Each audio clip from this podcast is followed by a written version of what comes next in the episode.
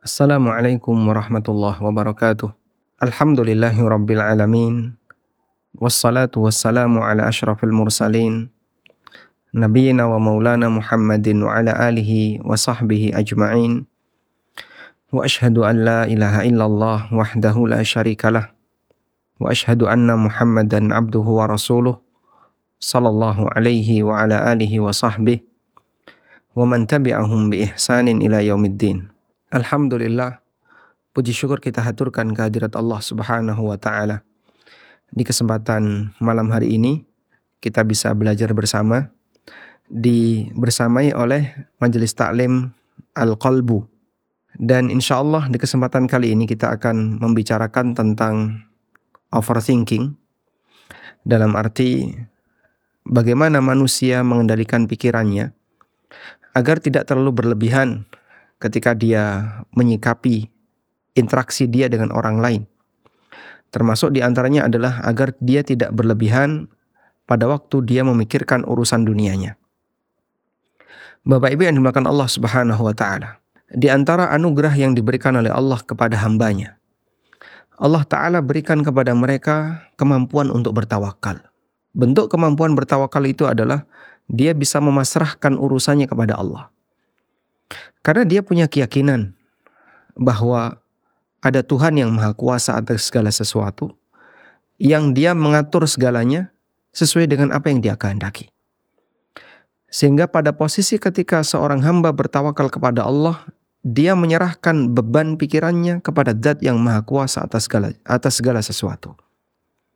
Dari sinilah kita bisa melihat bahwa tawakal bagi seorang hamba hakikatnya adalah anugerah yang diberikan oleh Allah Ta'ala, terutama ketika mereka memiliki masalah.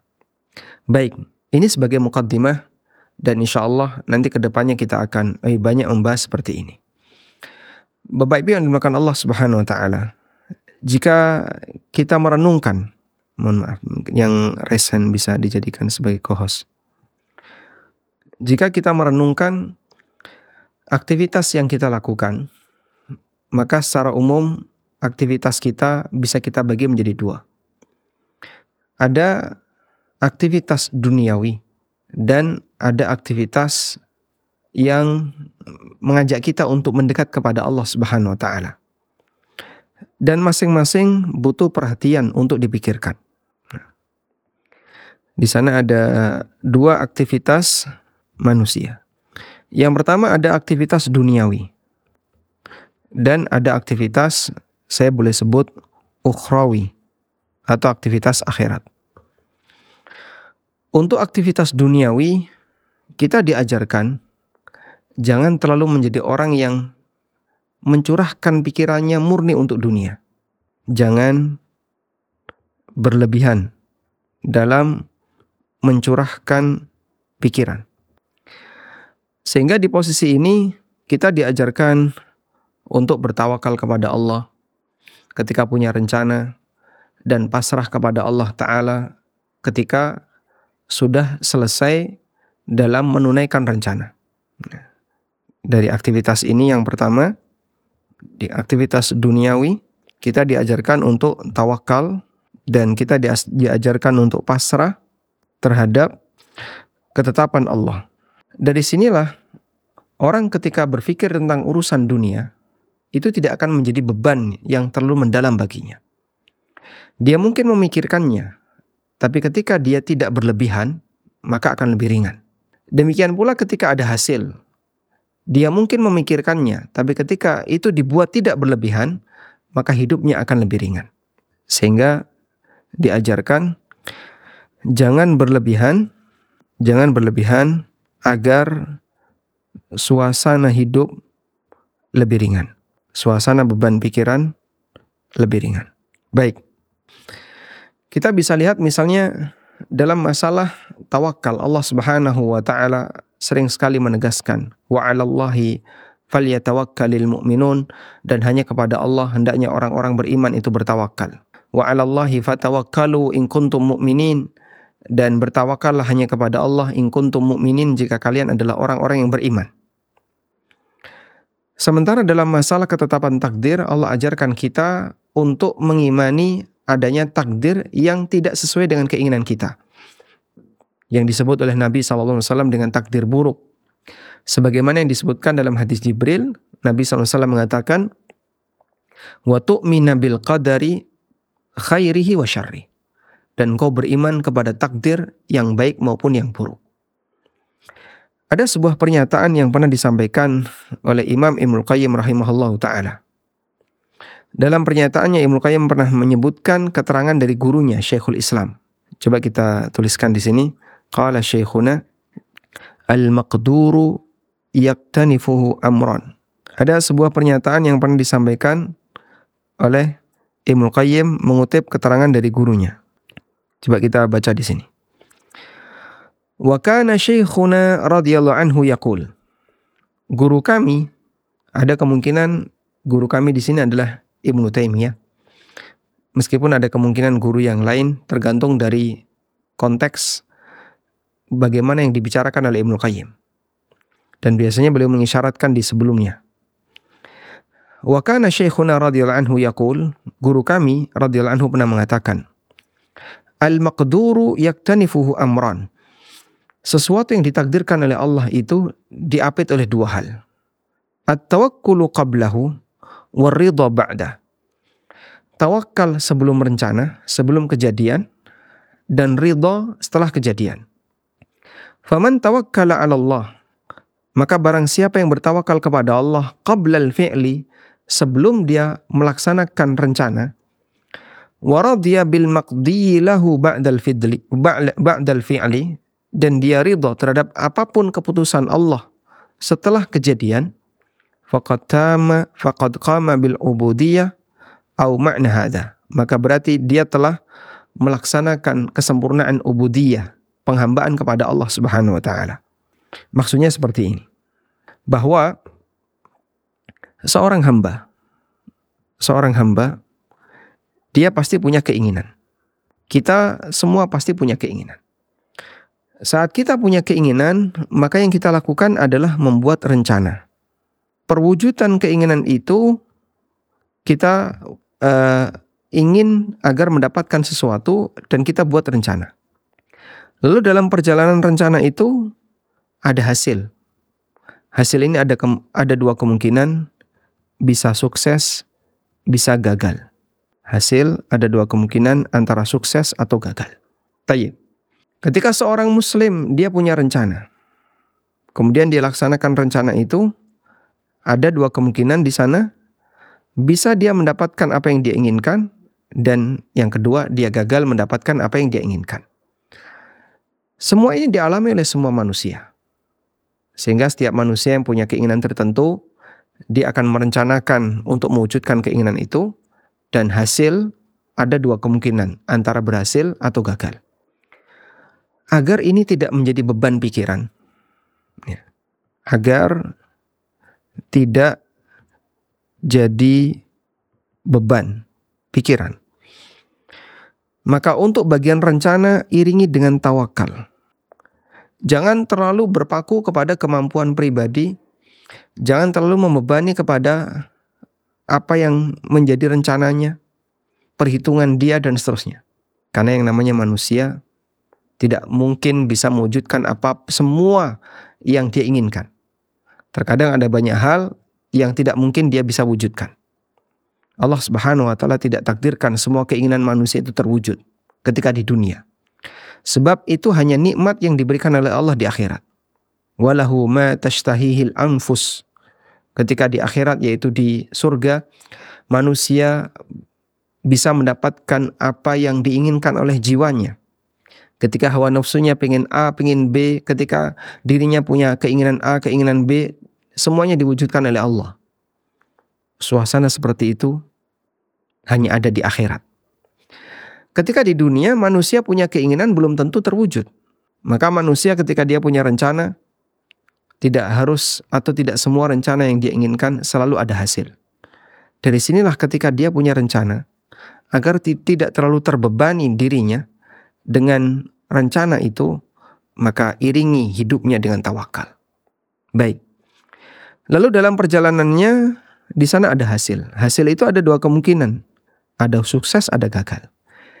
Orang akan mendapatkan beban yang kedua ketika apa yang dia inginkan ternyata gagal terwujud.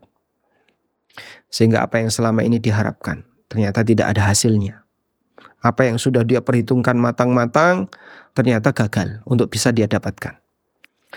Dari sinilah seorang mukmin diajarkan agar dia pasrah terhadap takdir Allah Ta'ala. Apabila orang melakukan hal semacam ini, berarti dia telah beribadah kepada Allah, beribadah kepada Allah dalam bentuk ridho terhadap keputusan Allah. Ridho terhadap takdir Allah. Sehingga kata Syekhul Islam, takdir itu diapit oleh dua hal, at-tawakkulu qablahu warridha ba'da, tawakal sebelum mewujudkan rencana dan ridho terhadap apa pun hasilnya, jika orang bisa melakukan seperti ini, maka beban pikirannya akan hilang. Kita bisa lihat misalnya, ada orang yang ingin lulus UN misalnya. Ini seorang pelajar siswa SMA kelas 3. Karena saking besarnya keinginannya untuk lulus UN dengan nilai yang baik atau bisa diterima di universitas luar negeri yang bonafit misalnya di Oxford University atau di beberapa kampus di Jepang. Maka dia berusaha untuk belajar sangat serius semaksimal mungkin yang mampu dia kejar. Kalau kemudian tidak diiringi dengan rasa tawakal, terlalu berpacu kepada atau terlalu berpangku kepada kemampuan pribadinya, mungkin yang terjadi adalah dia akan membebani pikirannya terlalu maksimal sehingga bisa jadi dia justru stres sampai kadang nggak kenal waktu ketika belajar. Sampai kadang nggak doyan makan. Sampai kadang dia susah untuk berinteraksi dengan yang lain. Hidupnya menjadi tidak happy disebabkan karena dia terlalu terbebani dengan rencananya. Itu kalau dia nggak punya tawakal. Tapi saat dia punya tawakal, dia tahu waktu. Di jam ini saya belajar. Di jam ini saya harus istirahat. Di jam ini saya harus berinteraksi dengan orang tua. Di jam ini saya harus berinteraksi dengan orang lain. Sehingga hidupnya lebih seimbang. Dia kerjakan apa yang menjadi rencananya sesuai dengan sesuai dengan kemampuan dia. Saya bisanya sampai di sini ya sudah. Kita lanjutkan besok sehingga kalau hari nggak selesai, hari ini tidak selesai, tidak perlu dipaksakan, kita lanjutkan besok. Tapi bagi mereka yang tidak punya rasa tawakal dan terlalu berpangku kepada kemampuan, pokoknya target hari ini A. Pokoknya A kalau belum terwujud harus diusahakan. Karena nanti ada target jangka panjang yaitu terwujudnya Z. Dan untuk bisa mendapatkan Z dia harus menempuh dari A sampai X. Maka dalam posisi ini terlalu terlalu membebani diri untuk bisa mewujudkan itu akan menjadi beban pikiran baginya. Baik, sebuah nasihat yang sangat indah yang disampaikan oleh Syekhul Islam dari kutipan yang disebutkan oleh Ibnu Qayyim. Dan lebih dari itu, apabila orang berhasil melakukan ini, berarti dia hakikatnya telah ridho terhadap ketetapan Allah Ta'ala, dan itulah bentuk ibadah seorang hamba ke kepada ketetapan Allah. Sebab kita tahu bahasanya ketetapan Allah, ketetapan Allah itu ada dua. Ada ketetapan syariat. Ketetapan syariat ini isinya perintah, larangan, dan aturan. Contoh perintah misalnya perintah sholat, perintah puasa, contoh larangan, larangan minum khamar, larangan zina, larangan curang, dan seterusnya. Contoh aturan misalnya aturan pembagian waris, atau aturan nafkah bagi keluarga, dan seterusnya. Ibadah kita terhadap ketetapan syariat adalah mentaatinya. Ikuti apa yang menjadi aturan syariat dan ketetapan syariat, taati apa yang menjadi ketetapan syariat. Itulah ibadah kita terhadap ketetapan syariat. Yang kedua, ada ketetapan takdir. Ketetapan takdir bisa sesuai dengan apa yang diinginkan oleh manusia, dan ada takdir yang tidak sesuai dengan apa yang diinginkan oleh manusia. Pada posisi takdir yang tidak sesuai dengan apa yang diinginkan oleh manusia, mungkin bagi mereka yang tidak terima dia bisa stres, dia bisa apalagi misalnya marah, dia bisa emosi. Namun seorang mukmin diajarkan, kalaupun kau mendapatkan takdir yang kurang bagus, yang tidak sesuai dengan keinginanmu, maka ibadah yang harus kau lakukan adalah pasrah. Ini ketetapan dari Allah Subhanahu wa taala. Sehingga saya mau ngasih saya mau memilih apa lagi kalau sudah menjadi ketetapan dari Allah. Sehingga ibadah kita kepada takdir bukan mengikuti takdir. Karena semua orang pasti mengikuti takdir, baik muslim maupun non-muslim. Karena semua ini akan menjadi hamba uh, semua yang ada di alam raya ini adalah makhluk Allah yang dia dikendalikan oleh Allah. Sebab Allah adalah Rabbul Alamin. Namun dalam urusan ketika orang sedang mendapatkan takdir yang tidak dia sukai, di situlah kelihatan bedanya antara orang yang punya iman terhadap takdir dan yang tidak iman yang, dan yang tidak punya iman terhadap takdir. Bagi mereka yang punya iman kepada takdir, maka yang dia lakukan adalah pasrah terhadap takdir Allah Subhanahu wa taala. Dan itulah bentuk ketetapan Allah terhadap takdir Allah. Tayyib. Dua ini merupakan ibadah kepada Allah, mentaati syariat Allah dan pasrah terhadap takdir Allah. Maka kata Syekhul Islam, apabila orang bisa pasrah terhadap takdir, berarti dia telah menyempurnakan bentuk ubudiyah. Nah, sampai di sini kaitannya dengan urusan dunia. Berikutnya kita beralih kepada aktivitas akhirat. Aktivitas yang kedua adalah aktivitas akhirat. Aktivitas akhirat kita diperintahkan untuk banyak memikirkannya. Untuk banyak memikirkannya. Bahkan orang soleh masa silam sampai mereka nangis karena memikirkan nasib mereka di akhirat. Apakah mereka nanti akan bisa selamat atau tidak. Karena itu orang-orang soleh di masa silam ketika mereka melihat kejadian. Terkadang mereka mengingat kejadian itu dengan apa yang nanti akan mereka jumpai di akhirat. Misalnya, ada sebagian di antara orang soleh ketika di pasar. Lalu dia melihat penjual daging kambing, menjual sate. Ya, kalau sekarang kan ada warung kambing, dia jual sate, tongseng dan seterusnya. Dulu ada seperti itu. Kemudian penjual ini sedang membakar kepala kambing. Kepala kambing kalau mau dimasak dibakar dulu. Kepala kambing itu dibakar, dibolak-balik dibakar. Dalam situasi seperti itu, kemudian orang ini nangis. Melihat kepala kambing dibakar, dia nangis. Lalu dia ditanya, "Kenapa Anda nangis?" Lalu dia bilang, "Aku teringat bagaimana nasibku kelak di akhirat. Yang mungkin kepalaku bisa jadi dibakar di neraka disebabkan karena dosa, sehingga membuat beliau menangis." Demikian pula yang dialami oleh beberapa sahabat ketika mereka memikirkan akhirat sampai membuat mereka meninggalkan kenikmatan makanan yang ada di hadapannya. Ada sebuah riwayat yang disebutkan oleh Bukhari tentang sahabat Abdurrahman bin Auf. Coba kita baca riwayat ini. Abdurrahman bin Auf radhiyallahu anhu pernah mengatakan dalam posisi ketika dihidangkan makanan di hadapannya diceritakan oleh anaknya yang bernama Ibrahim bin Abdurrahman bin Auf. Anna Abdurrahman bin Auf radhiyallahu anhu utiya bi ta'amin. Suatu ketika dia dihidangkan makanan di hadapan Abdurrahman bin Auf. Wa kana sa'iman dan beliau sedang puasa. Berarti ini adalah hidangan makanan untuk berbuka.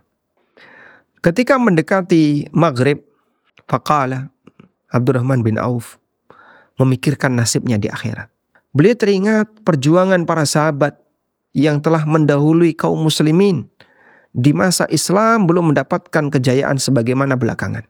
Apa yang dikatakan pada waktu kaum muslimin masih lemah ketika di Madinah. Jumlah kaum muslimin masih sedikit, masih sering diserang oleh orang-orang kafir dari luar untuk menghancurkan kaum muslimin.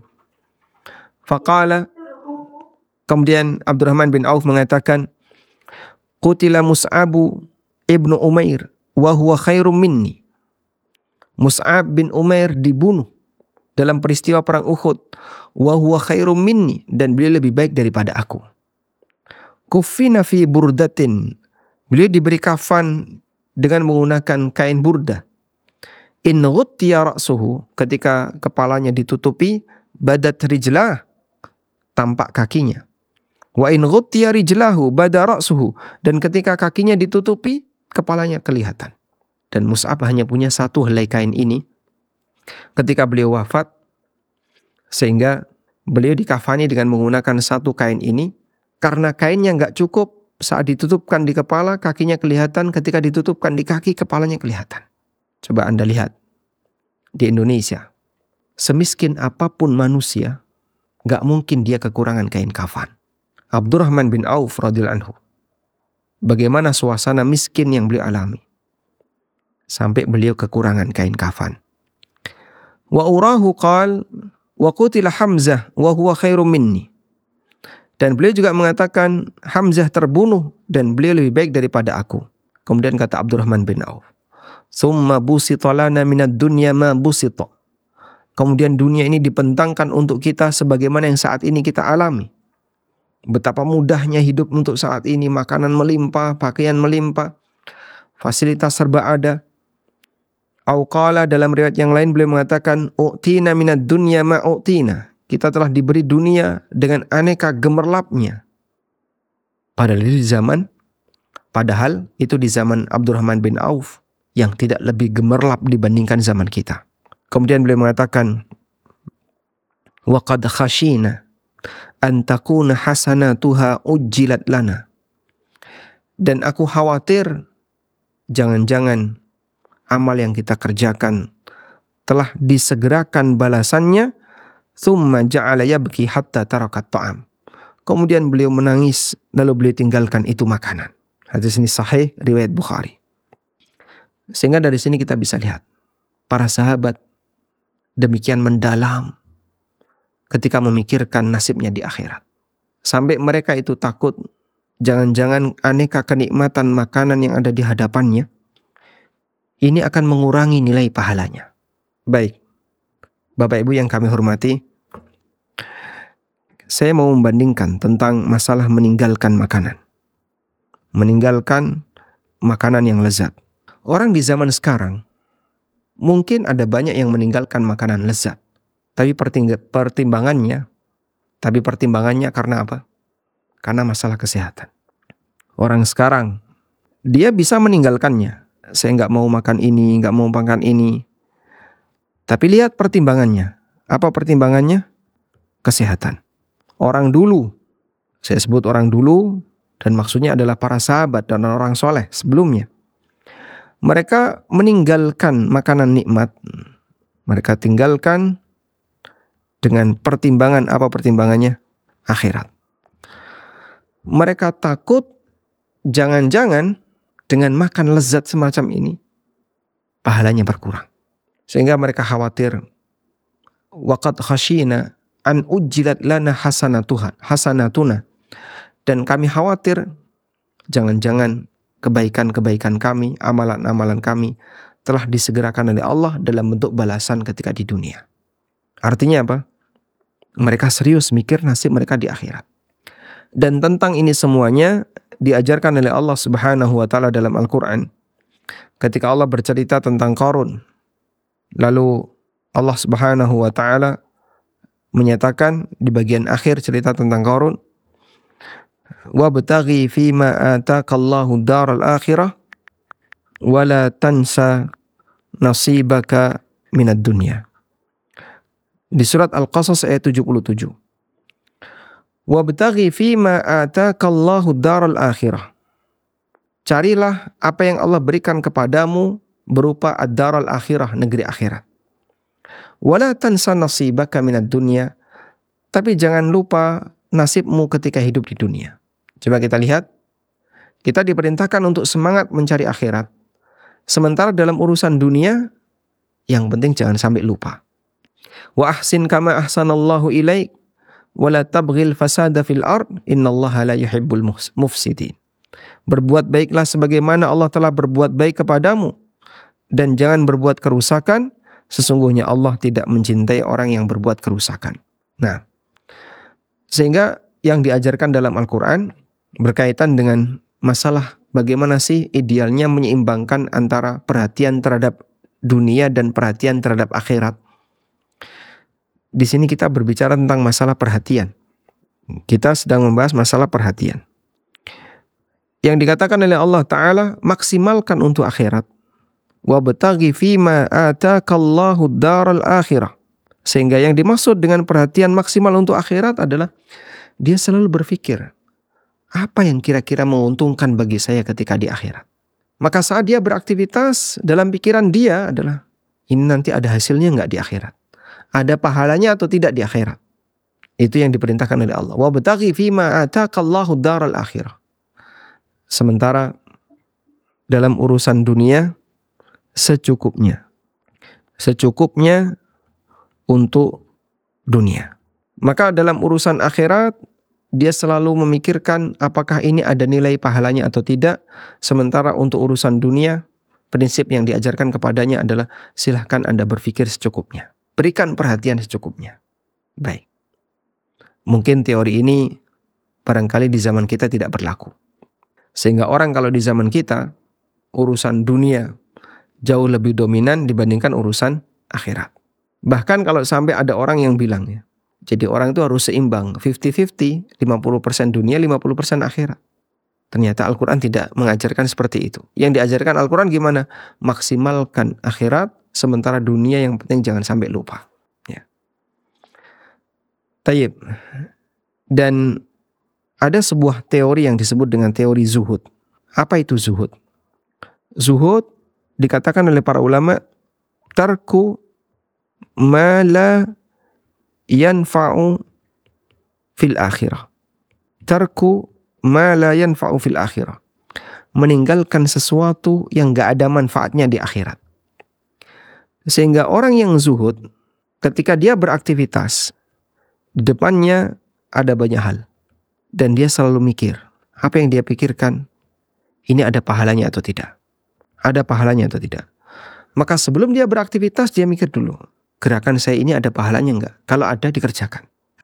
Perbuatan saya ini ada pahalanya enggak? Kalau ada dikerjakan.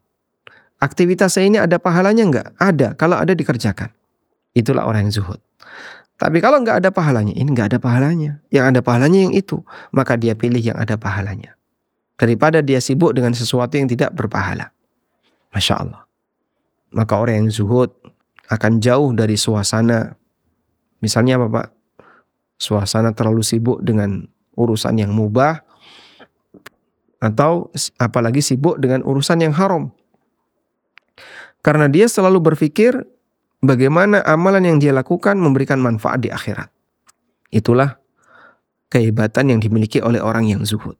Dan Nabi Shallallahu Alaihi Wasallam mengajarkan hal ini, sehingga agar manusia memberikan perhatian yang lebih dominan untuk akhirat, Sementara untuk urusan urusan dunia perhatiannya sifatnya secukupnya. Saya bicara perhatian ya tentang masalah uh, bagaimana dengan kekayaan yang dimiliki oleh orang hukum asalnya mubah. Dan bisa jadi ada orang kaya tapi perhatiannya akhirat lebih dominan dibandingkan dengan perhatian dia terhadap masalah dunia. Sehingga orang kaya ini selalu berpikir apa yang bisa kira-kira saya abadikan untuk amalku agar terus mengalir pasca aku meninggal dunia. Baik, di sinilah kita bisa lihat bahwa overthinking dalam urusan akhirat itu didukung. Sementara overthinking dalam urusan dunia kalau bisa dibatasi. Sehingga sederhana saja ya. Yang namanya belajar agama, belajar agama. Apakah ini butuh mikir? Jawabannya iya. Orang yang belajar agama butuh untuk mikir. Dan kita dimotivasi untuk banyak belajar. Walaupun itu butuh mikir.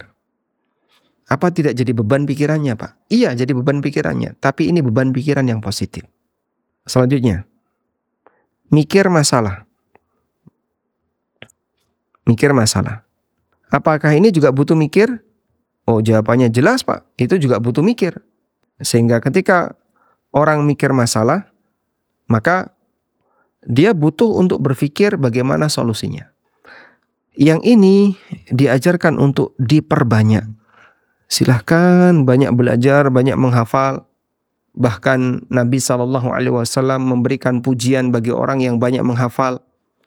Beliau Shallallahu Alaihi Wasallam pernah mengatakan, Nabdarallahu mra'an sami'a maqalati fawa'aha fa'addaha kama sami' semoga Allah taala membuat wajah seorang mus, se, eh, seorang hamba menjadi bercahaya.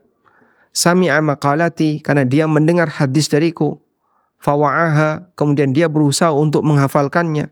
Fa'addaha kama sami'a kemudian dia sampaikan persis sebagaimana yang dia dengar. Itu didoakan kebaikan oleh Nabi wasallam. Dan itu mikir yang dalam syariat kita diperbanyak dimotivasi untuk diperbanyak. Nabi SAW memberikan keutamaan bagi orang yang belajar agama. Beliau wasallam bahkan menyebut bahwa talabul ilmi faridatun ala kulli muslim.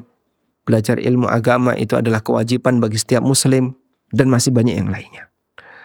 Beberapa orang soleh yang mereka menjadi manusia-manusia pejuang dalam masalah ilmu, banyak sekali waktu yang mereka gunakan untuk ilmu. Sampai di antara mereka ada yang mengatakan wakaf yang terbaik, wakaf terbaik adalah wakaf waktu untuk ilmu. Sebagaimana sedekah terbaik adalah sedekah waktu untuk ilmu. Maka orang yang menyediakan waktunya untuk mau belajar, mau membaca, berarti dia telah memberikan uh, memberikan apa? Uh, pengabdian dia, khidmat dia kepada ilmu. Dan kita diperintahkan untuk itu. Silakan perbanyak yang seperti ini. Semakin banyak kau memikirkan ilmu, maka Allah Subhanahu wa taala akan memberikan jaminan agar kau tidak terlalu sibuk memikirkan urusan dunia. Sebaliknya, untuk masalah yang dihadapi oleh hamba ketika mereka hidup di dunia, maka kita diajarkan jangan terlalu mendalam untuk memikirkannya. Ya. Ini prinsipnya adalah jangan berlebihan. Terus bagaimana solusinya agar orang tidak berlebihan dalam memikirkan masalahnya? Dia diajarkan dengan tawakal. Iringi dengan tawakal. Dan tawakal itu terbit dari yakin karena dia punya yakin. Dan tawa, dan yakin itu berangkat dari iman. Maka seorang hamba yang dia punya masalah dan dia mukmin, maka dia yakin. Dan ketika dia yakin, maka dia bertawakal kepada Allah taala. Dia tahu Allah taala akan memberikan jalan keluar yang terbaik bagi hidupnya dan seterusnya. Dan mikir yang kedua ini menurunkan kualitas pikiran. Kalau yang tadi, kenapa ini diperbanyak? Bisa semakin meningkatkan kecerdasan hamba. Kalau ini menurunkan, menurunkan kecerdasan. Sehingga orang jadi tidak maksimal ketika berpikir karena pikirannya didesak oleh masalah. Terlalu mendalam, ketika dia punya masalah, mikirnya terlalu jauh, justru itu akan melemahkan pikirannya. Wallahu alam. Jadi Anda bisa perhatikan ya bedanya di sini. Oleh karena itu, bagi mereka yang sibuk memikirkan agama, mikir belajar, mikir bagaimana dia mengajar, mikir bagaimana dia bisa membantu dakwah di tengah masyarakat, maka orang semacam ini ketika dia mikir seperti itu rasanya nggak capek. Mikir baca Quran, mikir gimana caranya biar dia bisa baca kitab Arab misalnya, butuh mikir. Termasuk di antaranya adalah menghafal Al-Quran. Menghafal hadis. Ketika dia menghafalkan Al-Quran, menghafalkan hadis, dia menggunakan pikirannya. Tapi rasanya tidak capek. Beda dengan orang yang mikir masalah. Kadang sampai dia bilang, saya sudah stres. Nah, kalau stres itu kan sudah mencapai titik klimaks, kemudian dia terjun bebas. Ada yang bilang kemudian, saya sudah nggak sanggup memikirkan ini lagi. Dan masih banyak urusan yang lain yang sebenarnya mikir masalah itu kita diajarkan agar turunkan intensitasnya karena ini bisa mengurangi nilai kecerdasan seorang hamba. Baik. Selanjutnya, dalam aktivitas duniawi, dalam aktivitas duniawi, kita diajarkan oleh Allah taala untuk berinteraksi dengan baik kepada sesama. Di sana ada interaksi. Namun interaksi ini sesuai kebutuhan. Karena terkadang ketika orang melakukan interaksi yang berlebihan, yang terjadi justru numpuk dosa. Membuat dia jadi tidak maksimal ketika dia beribadah disebabkan karena aktivitas yang berlebihan dalam berinteraksi. Oleh karena itu, dalam berinteraksi kita tidak boleh terlalu gampang baper ya. Dalam berinteraksi Misalnya penyakit yang paling tidak kita sukai adalah gampang baper. Dikit-dikit dipikir, dikit-dikit dipikir, dikit-dikit bawa perasaan. Dan yang namanya perasaan itu akan ngajak manusia untuk lebih dominan tidak menggunakan akal. Sampai ada ungkapan yang disampaikan oleh seorang ulama bahwa pada diri kita itu kan ada empat yang memberikan pertimbangan. Akal, hawa nafsu, perasaan, dan kehormatan. Lalu mereka mengatakan yaqulul aqlu bil anfa wa yaqulul hawa bil amta wa yaqulu al atifah bil arfaq wa yaqulu al mur wa taqulu al muru'ah bil arfa jadi ada empat yang menjadi bahan pertimbangan seorang seorang manusia ketika dia menghadapi masalah pada posisi ketika ada orang yang dapat masalah, datang aneka masalah. Sebab yang namanya hidup ini pasti akan ada masalah. Sudah? Dia punya empat pertimbangan yang ada pada dirinya. Pertimbangan logika, pertimbangan akal, pertimbangan perasaan, pertimbangan uh, hawa nafsu, dan pertimbangan kehormatan. Saat dia punya masalah, maka akal akan memberikan solusi kira-kira apa yang paling bermanfaat untuk hidupnya. Itu akal. Sedangkan perasaan akan mencari solusi apa yang kira-kira lebih bisa meluapkan kasih sayang. Sedangkan eh, yang ketiga, ya, apa, apa saja tadi? Akal, eh, perasaan, hawa nafsu. Kalau hawa nafsu, maka dia akan mengarahkan bil amta apa yang paling nikmat bagi hidupnya. Udahlah yang penting happy ya. kayak kayak kayak gini ya. Model orang yang sukanya yang penting happy yang penting bahagia itu lebih dominan hawa nafsunya. Kemudian yang keempat adalah dengan muruah. Pertimbangan muruah itu akan menyebabkan dia mencari mana yang lebih bisa meningkatkan status sosialnya. Bil arfa yang bisa meningkatkan status sosial kalau saya ambil kebijakan ini maka nanti kehormatan saya akan naik, status sosial saya akan naik, dan seterusnya. Nah di situlah dari empat ini, maka kita bisa lihat ya, pertimbangan yang berbahaya ketika digunakan adalah hawa nafsu. Karena hawa nafsu selalu yang dipikir adalah mana yang paling nikmat, mana yang paling enak, mana yang paling happy, dan seterusnya. Itu hawa nafsu. Dalam pikirannya hanya itu saja. Yang kedua, perasaan. Kalau kita bicara perasaan, maka terkadang orang ingin disayang sama orang lain, ingin dikasih sama orang lain, sehingga dia lebih dominan pada perasaan. Tapi perasaan ini bisa berbahaya. Kenapa? Jadinya dia orang yang terlalu sensitif dengan orang lain. Dan praktek seperti ini eh, bagi para ulama masa silam itu tidak boleh. Bahkan sampai mereka menasihatkan kalau kamu menjumpai ada sesuatu yang tidak nyaman pada diri saudaramu, maka cari seribu alasan untuk membolehkannya, membenarkannya. Oh mungkin beliau melakukan seperti itu karena ini, mungkin beliau melakukan seperti itu karena ini, karena ini, karena ini. Sehingga kita diajarkan untuk tidak suudon. Makanya Islam melarang agar jangan suudon. Karena suudon itu bisa memicu munculnya aneka pelanggaran-pelanggaran perasaan yang lebih berat. Jangan-jangan ini, jangan-jangan ini, dan seterusnya. Nabi SAW mendapatkan atau menyampaikan ah, Inna dhanna akdzabul hadis. Sesungguhnya dhon itu adalah pernyataan yang paling dusta. Disebutkan dalam hadis Adh-dhannu akdzabul hadis. Bahwasanya dhon adalah perkataan yang paling dusta. Kenapa disebut sebagai perkataan yang paling dusta? Adzon akzabul hadis. Dugaan itu, prasangka itu perkataan yang paling dusta. Karena kita tahu bahwasanya yang namanya prasangka itu ada banyak kemungkinan. Ada banyak kemungkinan. Ketika orang berprasangka, maka dia akan memiliki banyak sekali kemungkinan yang dia pikirkan.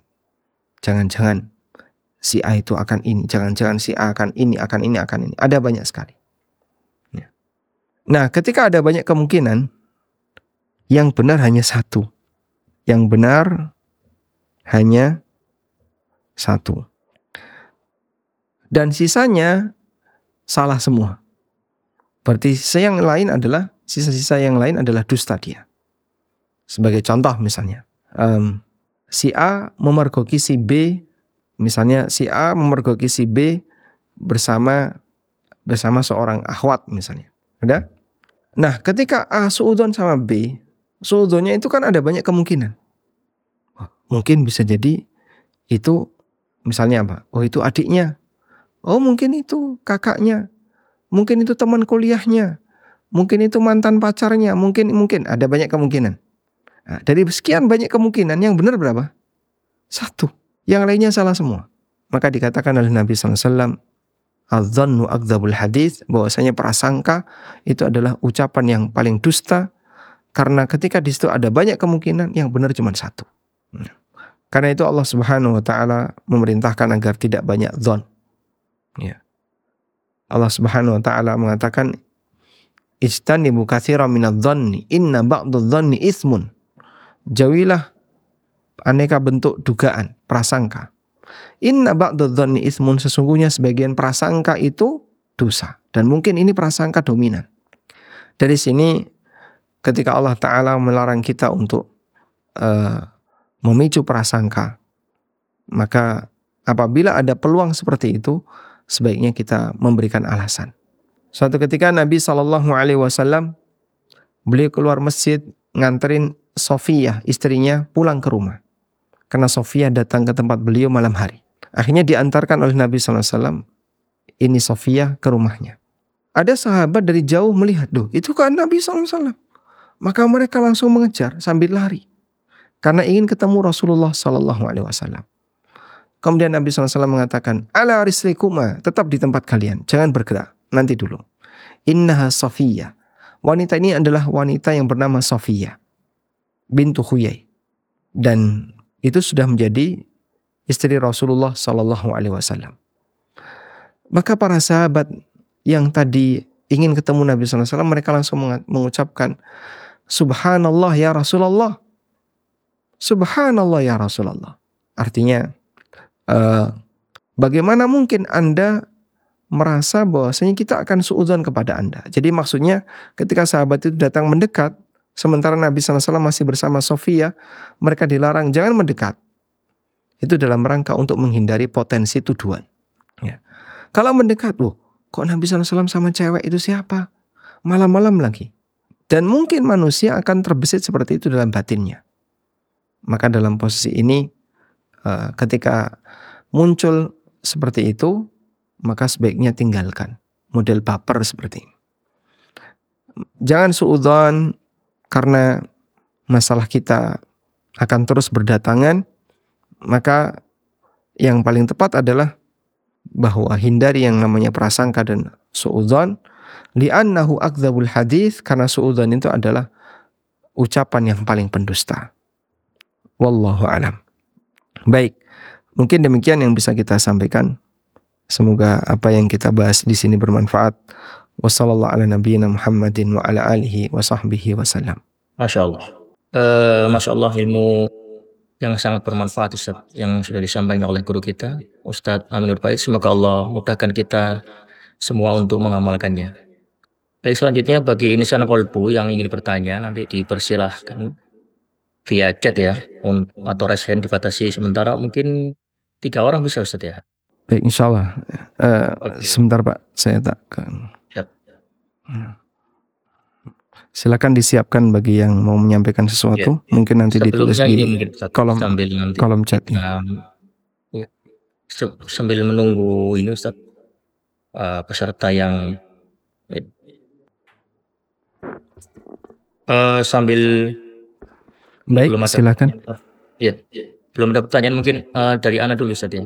Silakan. Jadi uh, Pelbu ini kan platform kesehatan mental muslim di mana kami itu kan menyediakan jasa konseling hmm. bersama beberapa psikolog muslim dengan tuntunan Al-Quran dan As-Sunnah. Nah yang ingin anak tanyakan sejauh mana Ustaz kita ini dikatakan boleh untuk meminta pertolongan expert dalam hal ini sekolah Ustaz ya untuk berkonsultasi gitu Ustaz. Betul Ustaz. Kalau masalah meminta konsultasi kepada orang lain, uh, meminta saran atau konsultasi kepada orang lain dalam aneka masalah yang dimiliki oleh pribadinya, wallahu alam sebenarnya nggak ada batas ya. Karena Nabi SAW pernah mengatakan, hakul muslim alal muslimi khamsun. Kewajiban seorang muslim bagi muslim yang lain ada lima. Kemudian beliau menyebutkan salah satunya adalah wa idastansahaka fansahu. Kalau ada orang yang minta nasihat kepadamu, maka kasih nasihat dia. Sehingga nggak ada salahnya orang minta nasihat, minta saran dan seterusnya. Cuman bedakan dengan mereka yang terlalu sering curhat terhadap masalahnya. Sehingga dikit-dikit dia selalu curhat. Dia punya masalah apa, curhat. Hampir semua masalah dia curhat. Orang seperti ini berarti dia terlalu banyak berbagi masalah dengan orang lain. Sampai ketika dia sendiri uh, merasa ingin butuh teman untuk mikir, dia selalu curhat kepada orang lain. Kalau misalnya dia menganggap bahwasanya masalah itu jangan terlalu dipikirkan mendalam, maka seharusnya ini masalah kayaknya udahlah nggak usah saya pikirkan, serahkan kepada Allah, jangan terlalu serius memikirkan ini. Itu akan lebih akan lebih menenangkan bagi dirinya lebih tenang dia dan tidak terbebani dengan masalah itu. Tapi kalau dia pingin agar apa semua masalah yang dia miliki didengerin sama orang, akhirnya dia banyak berbagi masalah dengan orang lain dengan curhat-curhat yang dia sampaikan, itu tidak akan ada ujungnya. Sebab yang namanya hidup pasti akan selalu diiringi dengan masalah. Sebagaimana yang kita tahu bahwa Nabi Adam alaihissalam diturunkan oleh Allah di muka bumi untuk menjalani hukuman. Sebagaimana yang dinyatakan oleh Hasan al-Basri, wa innama unzila Adamu ilaiha hukubatan. Sesungguhnya Adam diturunkan ke muka bumi dalam rangka menjalani hukuman. Dan tidak ada orang yang hidup di muka bumi ini tanpa masalah. Allah Subhanahu wa taala menegaskan, "Wala nabluwannakum bisyai'im minal khawfi wal ju' wa naqsi minal amwali wal anfusi was samarat wa basyiris sabirin. Sungguh kami akan memberikan ujian kepada kalian dengan adanya rasa takut, rasa lapar, dan seterusnya. Dan aneka ujian-ujian yang lain. Dan itu bentuknya ujian fisik. Ada ujian batin. Ujian batin adalah ketika dia punya masalah, sakit hati, dan seterusnya. Kemudian dia pendam. Kalau itu terlalu banyak, kemudian numpuk, numpuk, numpuk, numpuk, membuat dia jadi stres. Tapi bagi mereka yang dia tahu bahwasanya tidak semuanya harus kita tahan dalam batin kita. Udah kita lepaskan saja. Bahkan bila perlu kita lupakan. Sehingga di situ betul ada masalah, mungkin Anda sakit hati, udah saya lupakan aja. Biar tidak mengendap terlalu dalam. Nah, yang seperti itu ketika dilakukan oleh seorang muslim, maka hidupnya akan terasa lebih nyaman. Kalau itu berat untuk dia lupakan, maka dia curhatnya kepada Allah Subhanahu wa taala. Sehingga kita diajarkan agar mengadu kepada Allah. Sebagaimana Nabi Yakub alaihissalam ketika beliau mengadu kepada Allah taala beliau mengatakan innama ashku bathi wa huzni ilallah. Aku hanya akan mengadukan kesedihanku kepada Allah. Dan itu yang bisa membuat seorang hamba jadi tenang. Karena dia ingat Allah saat dia punya masalah. Nabi SAW mengatakan apabila dia punya masalah, apabila beliau wasallam punya masalah, kata sahabat Jabir, karena Nabi wasallam idza jadabahu amrun sallah. Nabi SAW kalau punya masalah serius, beliau sholat. Maka pelarian beliau ketika punya masalah adalah bermunajat dengan Allah. Sebab Allah janjikan, Ala tatmainnul qulub. Bukankah dengan zikrullah, hati seorang hamba bisa menjadi tenang. Sehingga kita diajarkan untuk banyak zikrullah, diajarkan untuk banyak mengingat Allah dalam rangka untuk menurunkan potensi gejolak batin yang itu gak akan ada ujungnya kalau tidak dikendalikan. Nah, wallahu alam. Ya. Tapi Ustaz ini udah ada beberapa pertanyaan yang masuk di chat Ustaz. Yang pertama ini. Bismillah izin bertanya Ustaz, apakah ada tips untuk menghindari atau menghilangkan pikiran berlebihan tentang duniawi. Jazakallah khair.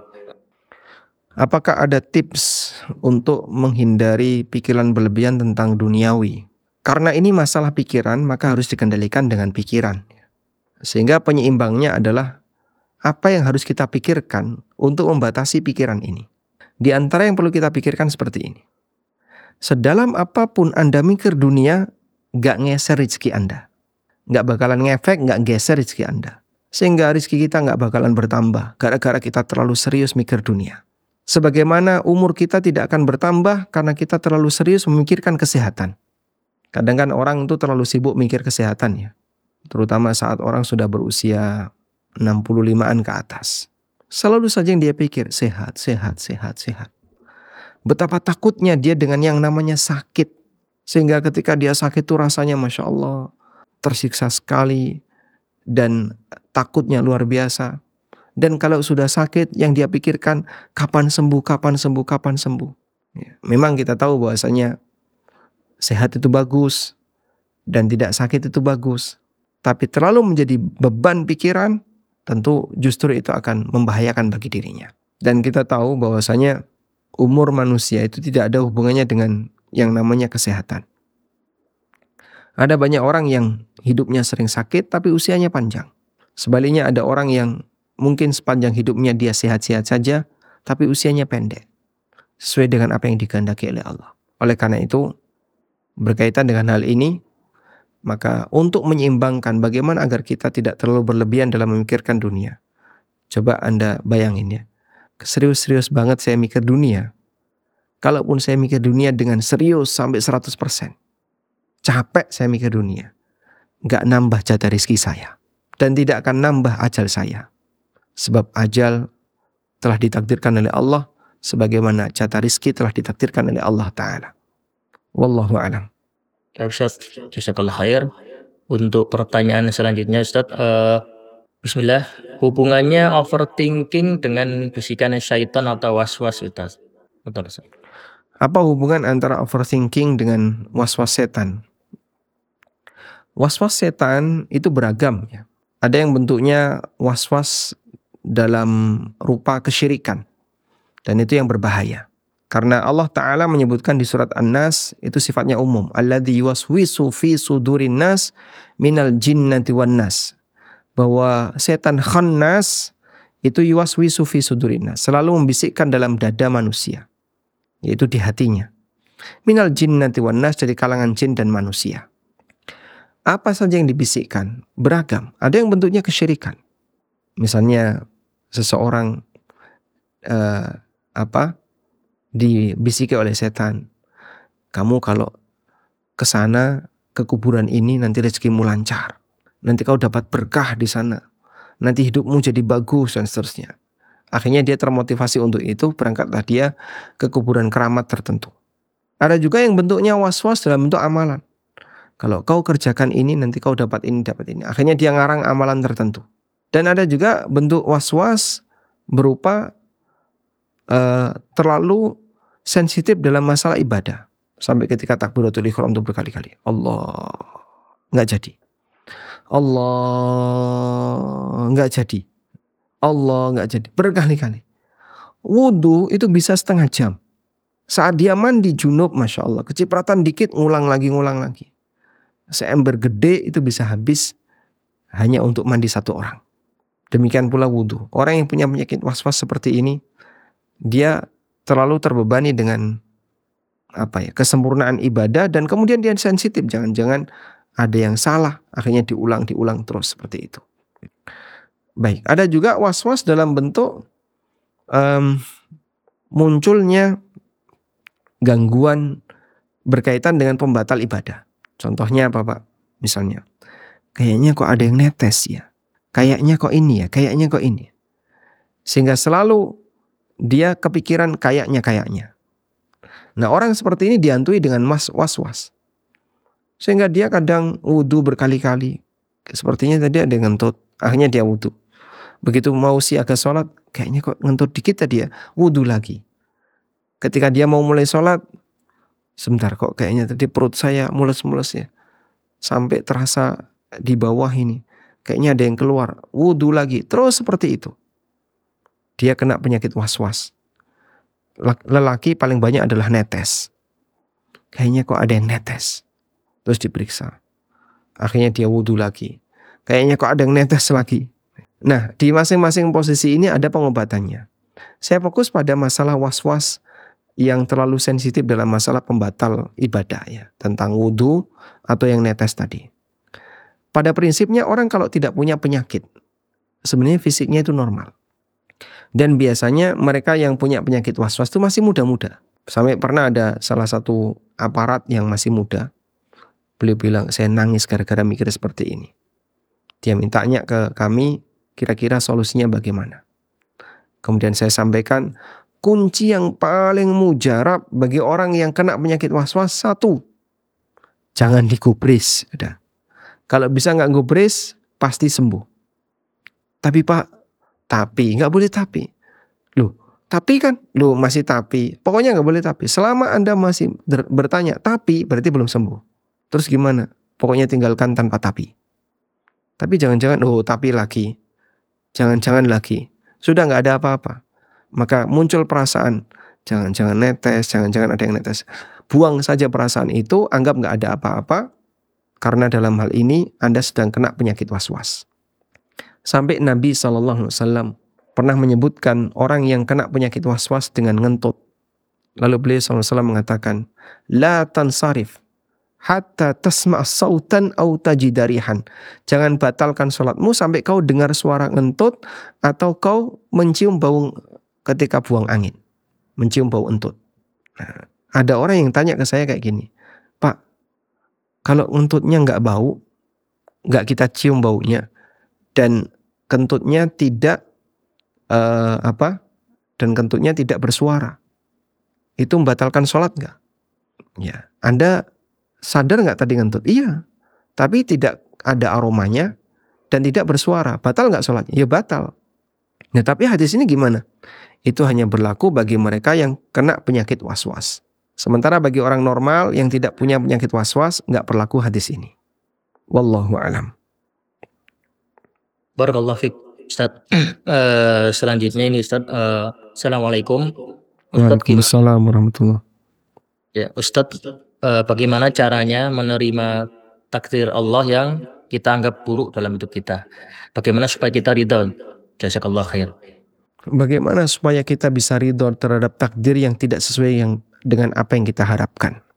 Kata kuncinya satu, bahwa kalau Anda emosi, Anda marah dengan takdir yang tidak sesuai dengan keinginan Anda, maka Anda akan berdosa.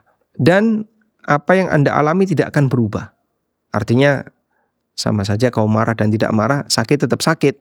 Sama saja kau marah dan tidak marah, um, apa misalnya gagal bisnis tetap gagal bisnis. Sama saja.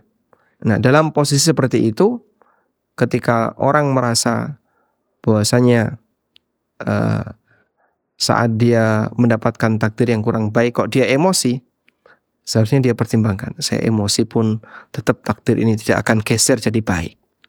Maka sangat disayangkan. Oleh karena itu, yang penting untuk kita perhatikan adalah ketika kita mendapatkan musibah dunia, maka mintalah kepada Allah agar jangan sampai menimbulkan musibah akhirat, musibah agama. Sehingga bagian dari doa Nabi SAW. Wala taj'al musibatana fi dinina. Wala taj'al dunya akbar hammina wa mablagha ilmina. Ya Allah jangan kau jadikan musibah yang menimpa kami adalah musibah yang merugikan agama kami. Musibah yang merugikan agama gimana bentuknya? Berbuat dosa.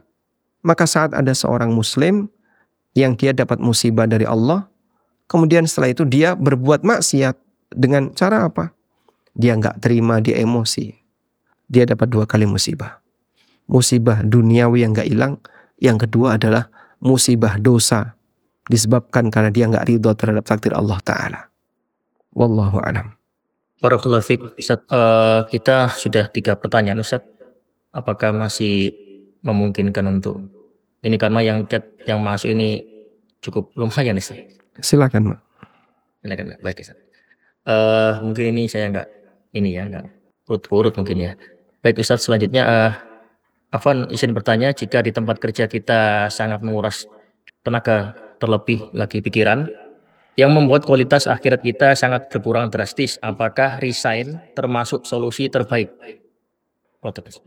Nah, mungkin Anda juga perlu memikirkan tentang sumber pendapatan karena di belakang Anda ada keluarga yang butuh untuk dinafkahi.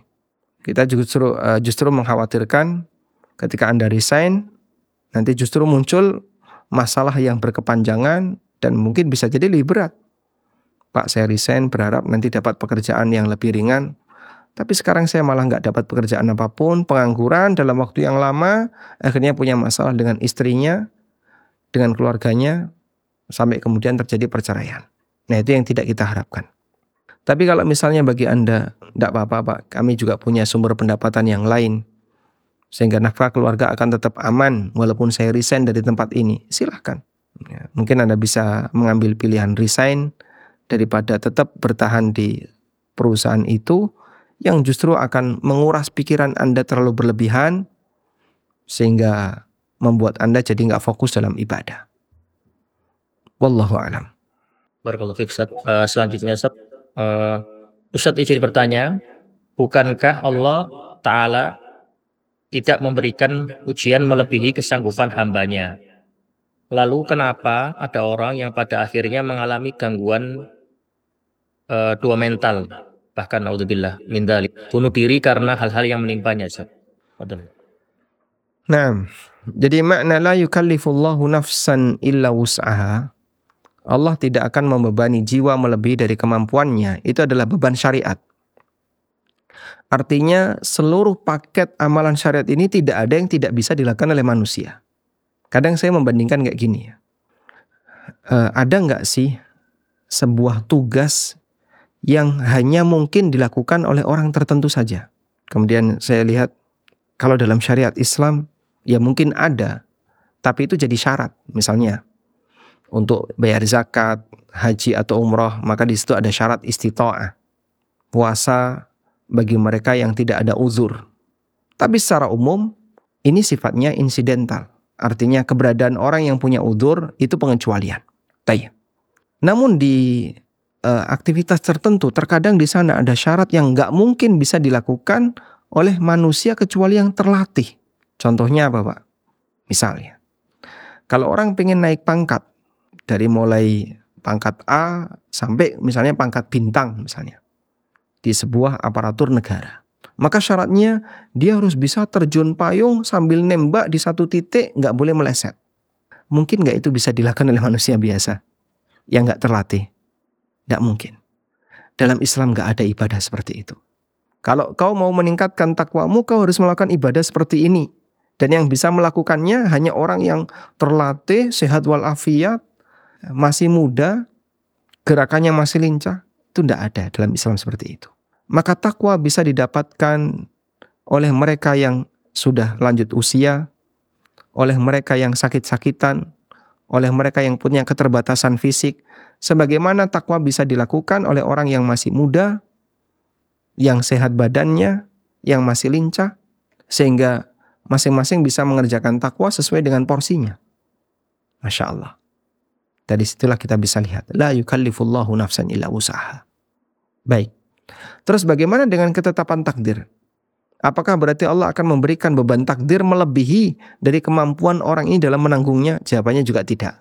Cuman dia nggak sabar. Dia nggak sabar.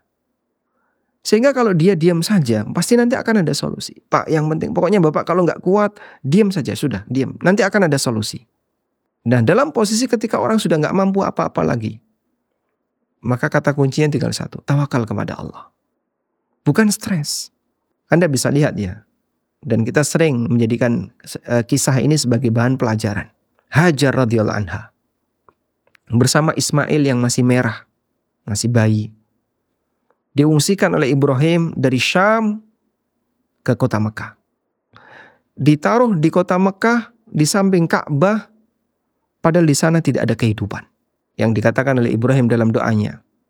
Rabbi inni askantu min biwadin ghairi dhi zar'in 'inda baitikal muharram. Ya Allah, aku telah tempatkan keturunanku di sebuah lembah tanpa tanaman min ghairi dhi zar'in inda baitikal muharram di samping rumahmu yang suci yaitu Ka'bah. Sampai akhirnya bekal yang mereka bawa habis. Hajar radhiyallahu anha kehausan. Ismail juga kehausan. Asi sudah nggak keluar. Nangislah itu Ismail.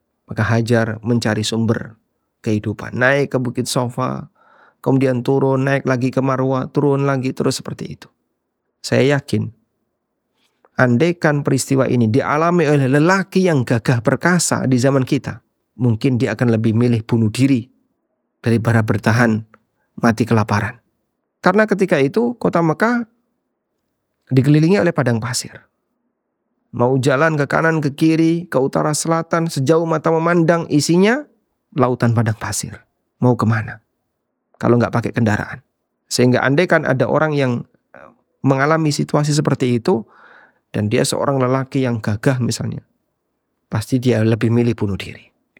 Tapi Masya Allah, Ibunda Hajar radhiyallahu anha, beliau bersabar, beliau cari semampunya. Sampai ketika sudah nggak dapat, mentok di puncaknya nggak ada. Allah turunkan pertolongan. Dari situlah kita bisa mendapatkan pelajaran bahwa kenapa ke orang itu bunuh diri dan seterusnya. Ya kata kuncinya bukan karena melebihi dari batas kemampuannya, tapi orang ini nggak sabar. Andai kan dia sabar, pasti dia akan mendapatkan solusi. Dan jika kita perhatikan, sebenarnya masalah seperti itu hal yang dialami oleh banyak orang. Contoh ya, misalnya dapat nilai jelek ada nggak sih siswa yang dapat nilai jelek? Banyak pak. Di beberapa sekolah rata-rata ada. Tapi kenapa ada yang bunuh diri ketika dapat nilai jelek? Dia nggak sabar. Yang lain juga ada yang dapat nilai jelek. Bagi dia santai saja. Contoh yang lain. Cinta ditolak. Misalnya. Sudah kadung tresno dengan A. Sudah terlanjur sayang sama B. Tapi ternyata B menolak. A menolak. Dia patah hati. Saat dia patah hati, Gimana? Nggak sabar. Akhirnya apa? Bunuh diri. Masya Allah. Padahal kejadian ini mungkin dialami oleh orang yang lain dan mereka bisa untuk tidak sampai bunuh diri. Ya. Contohnya siapa Pak? Ya banyak orang yang mungkin ketika melamar ditolak dan saya dulu lima kali melamar ditolak. Sehingga dalam posisi ketika orang sering ditolak, hal yang biasa, banyak orang yang mengalaminya. Gagal bisnis, banyak orang yang mengalaminya. Tapi ada yang sabar dan ada yang tidak sabar.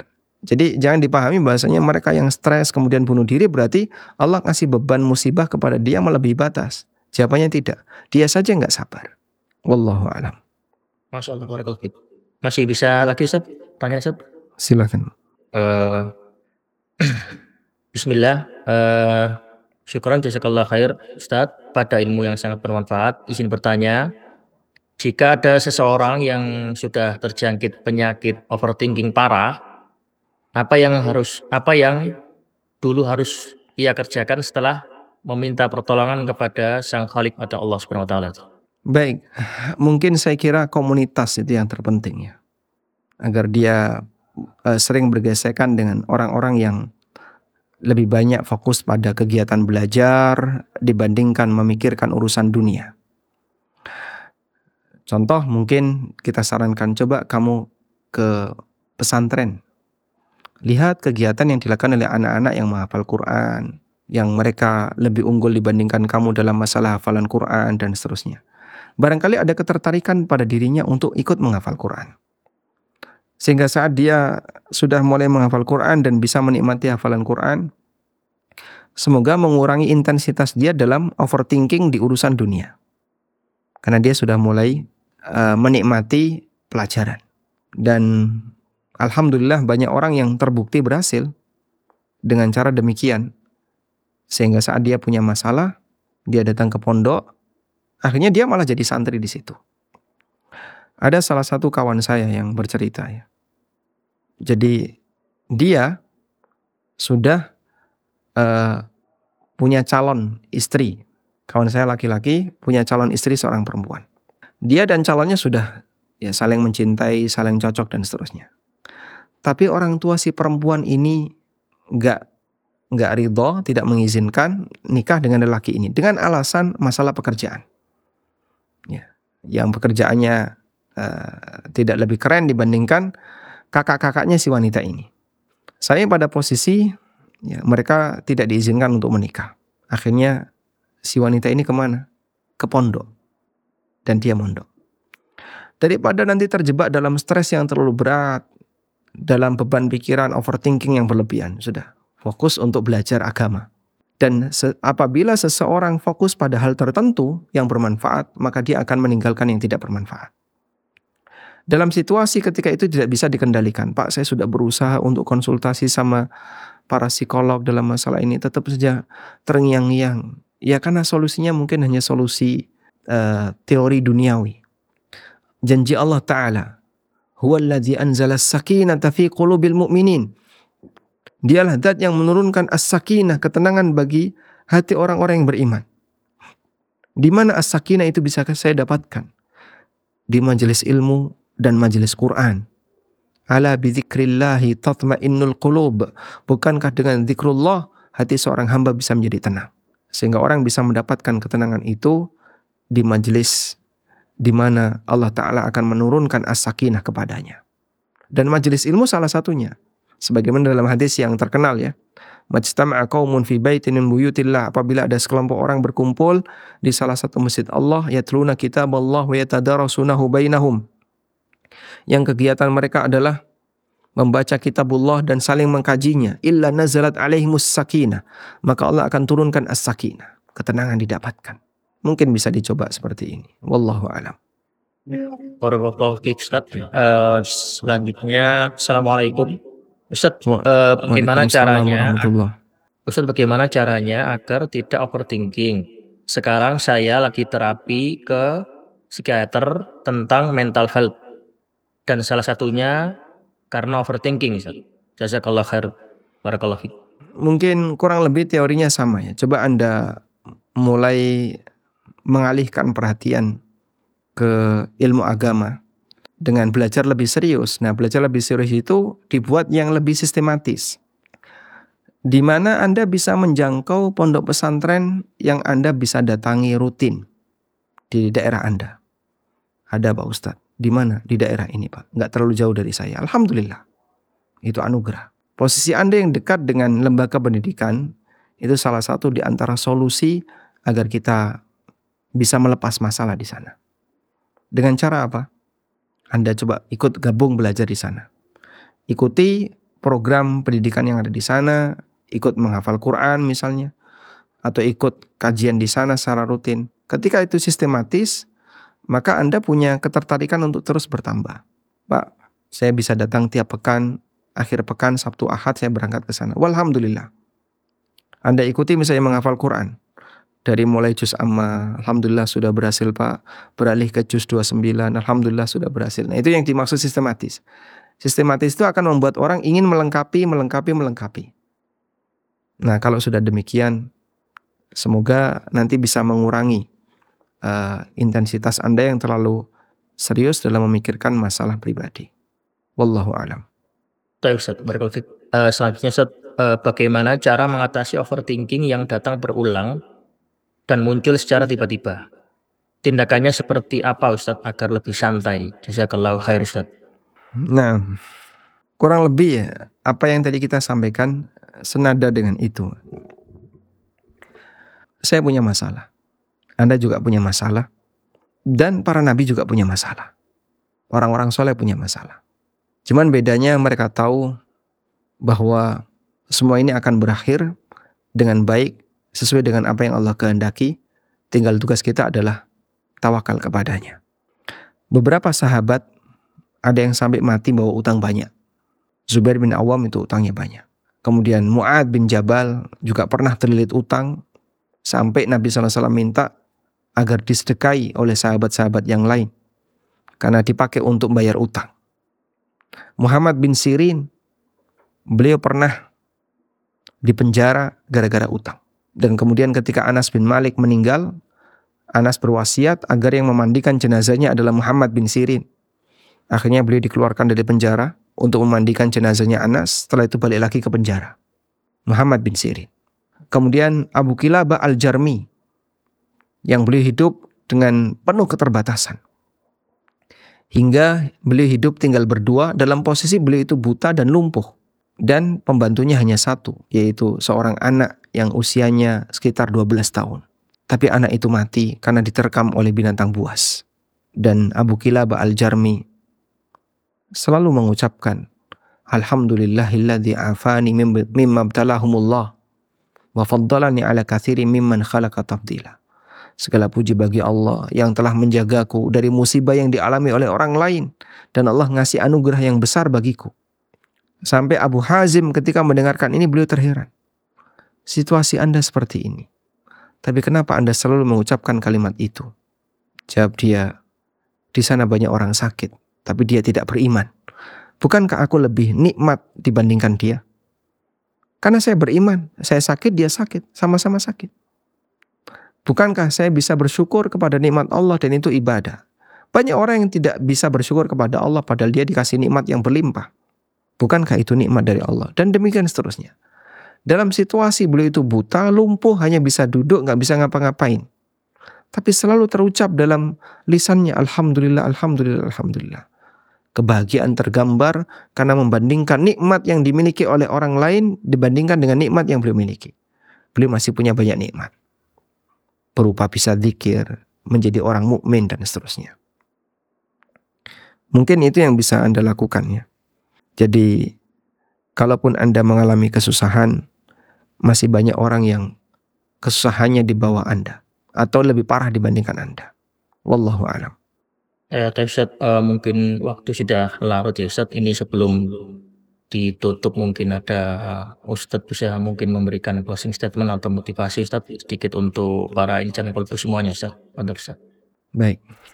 Jadi dari apa yang tadi kita sampaikan, kita lihat unsur dalam diri kita itu dua, ada jasad, ada pikiran, ada arwah.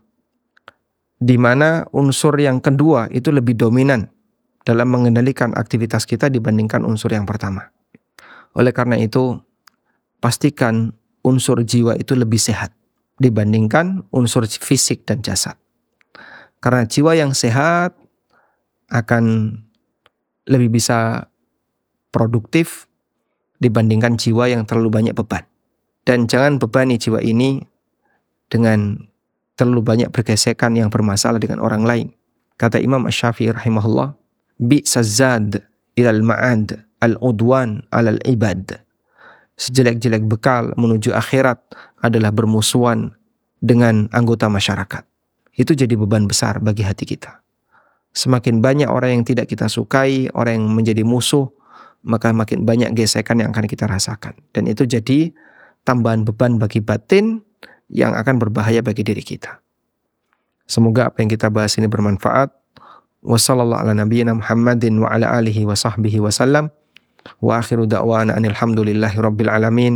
Wassalamualaikum warahmatullahi wabarakatuh.